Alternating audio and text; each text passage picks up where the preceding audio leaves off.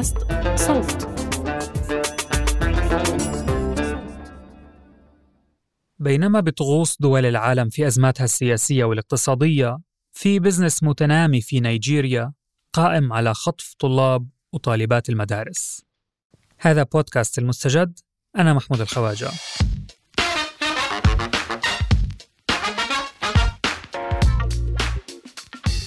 حلقتنا اليوم من نيجيريا في غرب أفريقيا. نحكي فيها عن عمليات الخطف الجماعي اللي يبدو صارت وسيلة لبعض العصابات لكسب المال. اقتحم مدرسة اخطف 40-50 تلميذ اطلب فدية حرر وعد ملايين.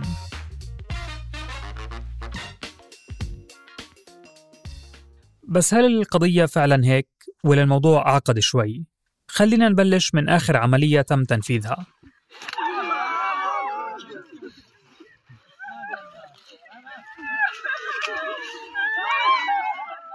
39 طالب أو طالب جالسين في وضع يائس على أرض الغابة. حواليهم مسلحين مصوبين بنادقهم تجاههم. واحد منهم بيمسك صوت وبيجلدهم فيه ثلاث مرات. أحد الطلاب بناشد من خلال كاميرا الجوال اللي موجهة عليه.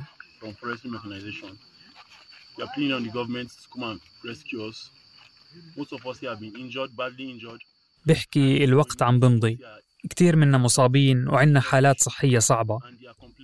بيطلب من السلطات ما يحاولوا يقتحموا المنطقة بالقوة لإنقاذهم لأنه العصابة رح تقتلهم. بالمقابل بيطلب من السلطات التعاون مع العصابة. هاي الأحداث وقعت في ولاية كادونا شمال نيجيريا في 12 مارس أذار الماضي. قبل ساعات من المناشدة اللي سمعناها كانت كلية الطالبات والطلبة المخطوفين عم تتعرض لهجوم مسلح. الكلية المتخصصة بإدارة الغابات توقع في أطراف مدينة كادونا. أما هدف الهجوم عليها فكان اختطاف الطلبة واقتيادهم لمنطقة أخرى لمفاوضة السلطات عليهم. طلبوا فدية قدرها 500 مليون نيرة نيجيرية يعني حوالي مليون و300 ألف دولار. وما زالت القضية بتشكل قلق كبير في الرأي العام النيجيري. وزي ما حكينا هي آخر عملية خطف جماعي لحد الآن.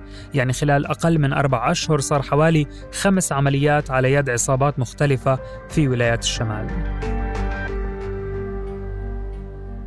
في ديسمبر كانون الأول 2020 انخطف أكثر من 340 طالب من إحدى المدارس الداخلية في ولاية كاتسينا بالشمال الغربي. في منتصف فبراير شباط 2021 انخطف مجموعة من الطلبة والعاملين في إحدى المدارس الداخلية بولاية النيجر وسط البلاد. ففزع الجيش لتخليصهم من قبضة الخاطفين بدعم جوي.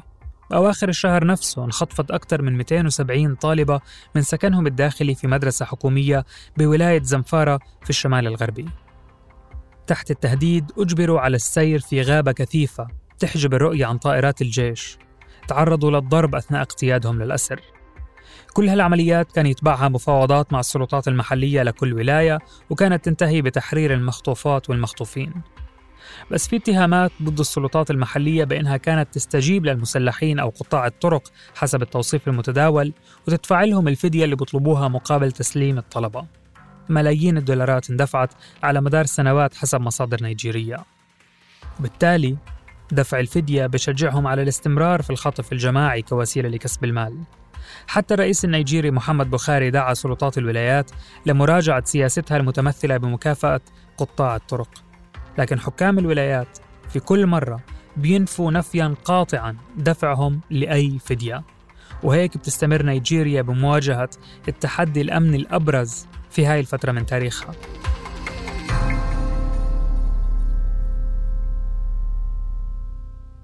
لحد هون مش واضح عنا مين الخاطفين وشو دوافعهم وهل بينفع نحكي عن عملهم الإجرامي بمعزل عن السياق اللي نشأوا فيه؟ كمان شوي رح نحاول نجاوب على هاي الأسئلة بس قبل خلينا نحكي عن نيجيريا بشكل عام وخصوصيتها الاقتصادية والاجتماعية. في نيجيريا أكبر تعداد سكاني بقارة أفريقيا بعيش فيها حوالي 200 مليون نسمة. تركيبتها الاجتماعية معقدة مجتمع قبلي متعدد لغويا ودينيا. لما استقلت عن بريطانيا سنة 1960 كانت دول المنطقة مقسمة على مزاج المستعمر البريطاني والفرنسي. الحدود فصلت قبائل عن بعضها وهذا التقسيم أثره ممتد لليوم. أكبر القبائل فيها الهوسا فلاني ومعظمهم مسلمين في مناطق الشمال. اليوربا مقسومين لمسلمين ومسيحيين في الجنوب الغربي وقبائل الإيبو اللي غالبيتها من المسيحيين في الجنوب الشرقي.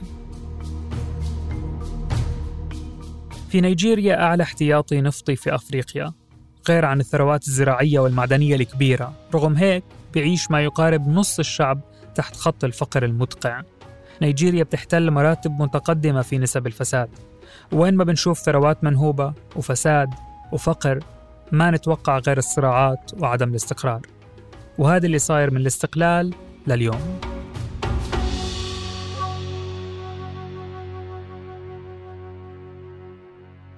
تاخذ هاي الصراعات طابع ديني أو قبلي وعرقي لكنها في جوهرها تنافس على الموارد والثروات. مش غريب لما بنحكي عن بلد مساحته كبيرة نسبيا بيضعف نفوذ الدولة في أطرافه وبينتشر في المقابل المسلحين اللي بيحاولوا يحموا مصالحهم من الآخر بالقوة. أو في حالات أخرى بيتمردوا على الدولة لأهداف عقدية. المثال الأبرز على هاي الحالة جماعة بوكو حرام الإسلامية المتطرفة. الجماعة اللي بدعت في حوادث الخطف الجماعي. في عملية قرية تشيبوك الشهيرة. هاي أصوات احتفال في العاصمة النيجيرية أبوجا في سنة 2017 احتفال بالإفراج عن عدد من طالبات تشيبوك اللي اختطفتهم جماعة بوكو حرام من مدرسة مسيحية سنة 2014 الإفراج عنهم كان بالتدريج بجهود دولية وحكومية ولكن جزء منهم ما زالوا لليوم في الأسر. أجبرتهم بوكو حرام على التحول للإسلام وعاملتهم كسبايا مستعبدات جنسياً. وبالمناسبة بوكو حرام نشأت على فكرة رئيسية هي محاربة التعليم المستورد من الغرب والعودة للتعليم الإسلامي. المهم تركز وجودها في الشمال الشرقي وفاتت في مواجهات مسلحة مع الدولة واغتيل زعيمها سنة 2009 واعتقل كثير من أعضائها. صار هدفها الأول والأخير الإفراج عن أعضائها المعتقلين إضافة إلى قتال الدولة وقواتها الأمنية وقتال المسيحيين. وكأنها نشأت كنتيجة للتوتر الطائفي بين الحركات الإسلامية الداعية لتطبيق الشريعة والمسيحيين اللي بيرفضوا إقصائهم وبيدعوا لنظام علماني يراعي تعدية البلد. هذا التوتر الطائفي اللي امتد لسنوات طويلة. على العموم مهم نتذكر أنه جماعة بوكو حرام المتطرفة لما نفذت عملية الخطف الأشهر كان هدفها عقدي. وهذا بيختلف عن أهداف منفذي حوادث الخطف الجماعي الأخيرة.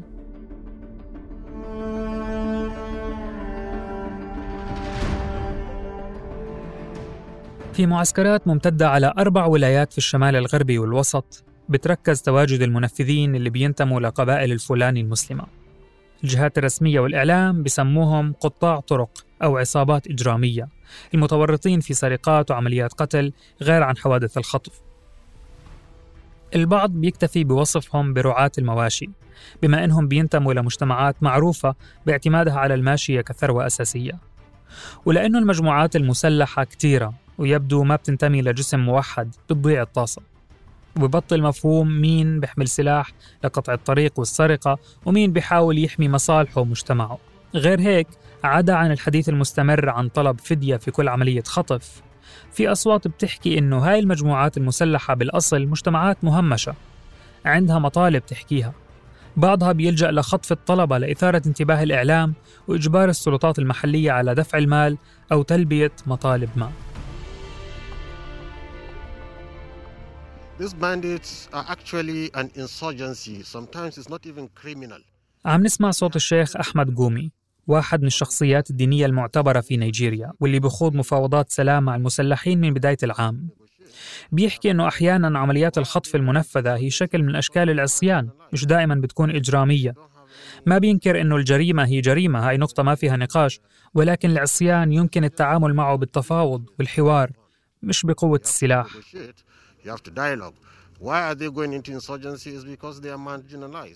ليش بيلجأوا للعصيان؟ لأنهم تعرضوا للتهميش بيحكي الشيخ قومي.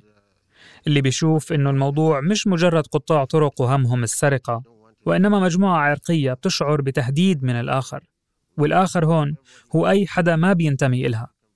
لذلك الأولوية هو تفادي أي صراع عرقي ممكن يشهد تصعيد خطير. بيفوت الشيخ قومي على الجماعات المسلحة من باب التعاليم الإسلامية والدعوة للتفاهم ونبذ العنف. تحظى مبادرته بدعم من شخصيات وجهات مهمة رسمية ودينية من ضمنها الرابطة المسيحية في نيجيريا. والأهم إنه ولا مرة بينكر على المسلحين مطالبهم المحقة من الدولة.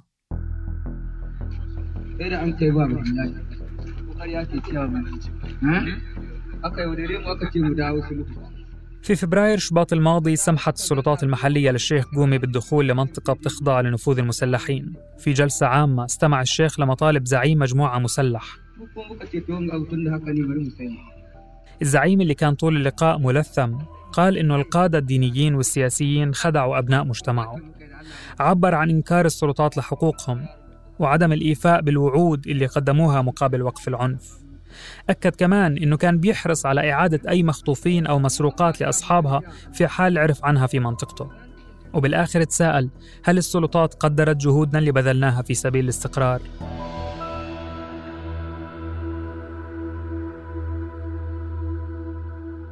يمكن صعب الحكم على مدى مصداقية الشخص اللي سمعناه على سوء أو حسن نواياه في أطراف وطنية ودينية بتحاول الوصول لحل ولكن مش معروف إذا رح تتكلل مبادراتها بالنجاح نظرا للجذور العميقة للمشكلة.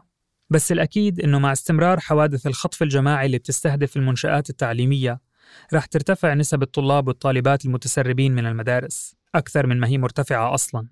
وهذا مش بس بيعني تراجع نسب المتعلمين في نيجيريا وإنما بيعني أنه الأزمات الموجودة اليوم رح تمتد لجيل آخر في السنين القادمة. بودكاست المستجد من إنتاج صوت. كنت معكم محمود الخواجة من الكتابة والتقديم روان نخلة من البحث وتيسير قباني من المونتاج الصوتي. ما تنسوا تشتركوا بقنوات المستجد محل ما بتسمعوا بودكاست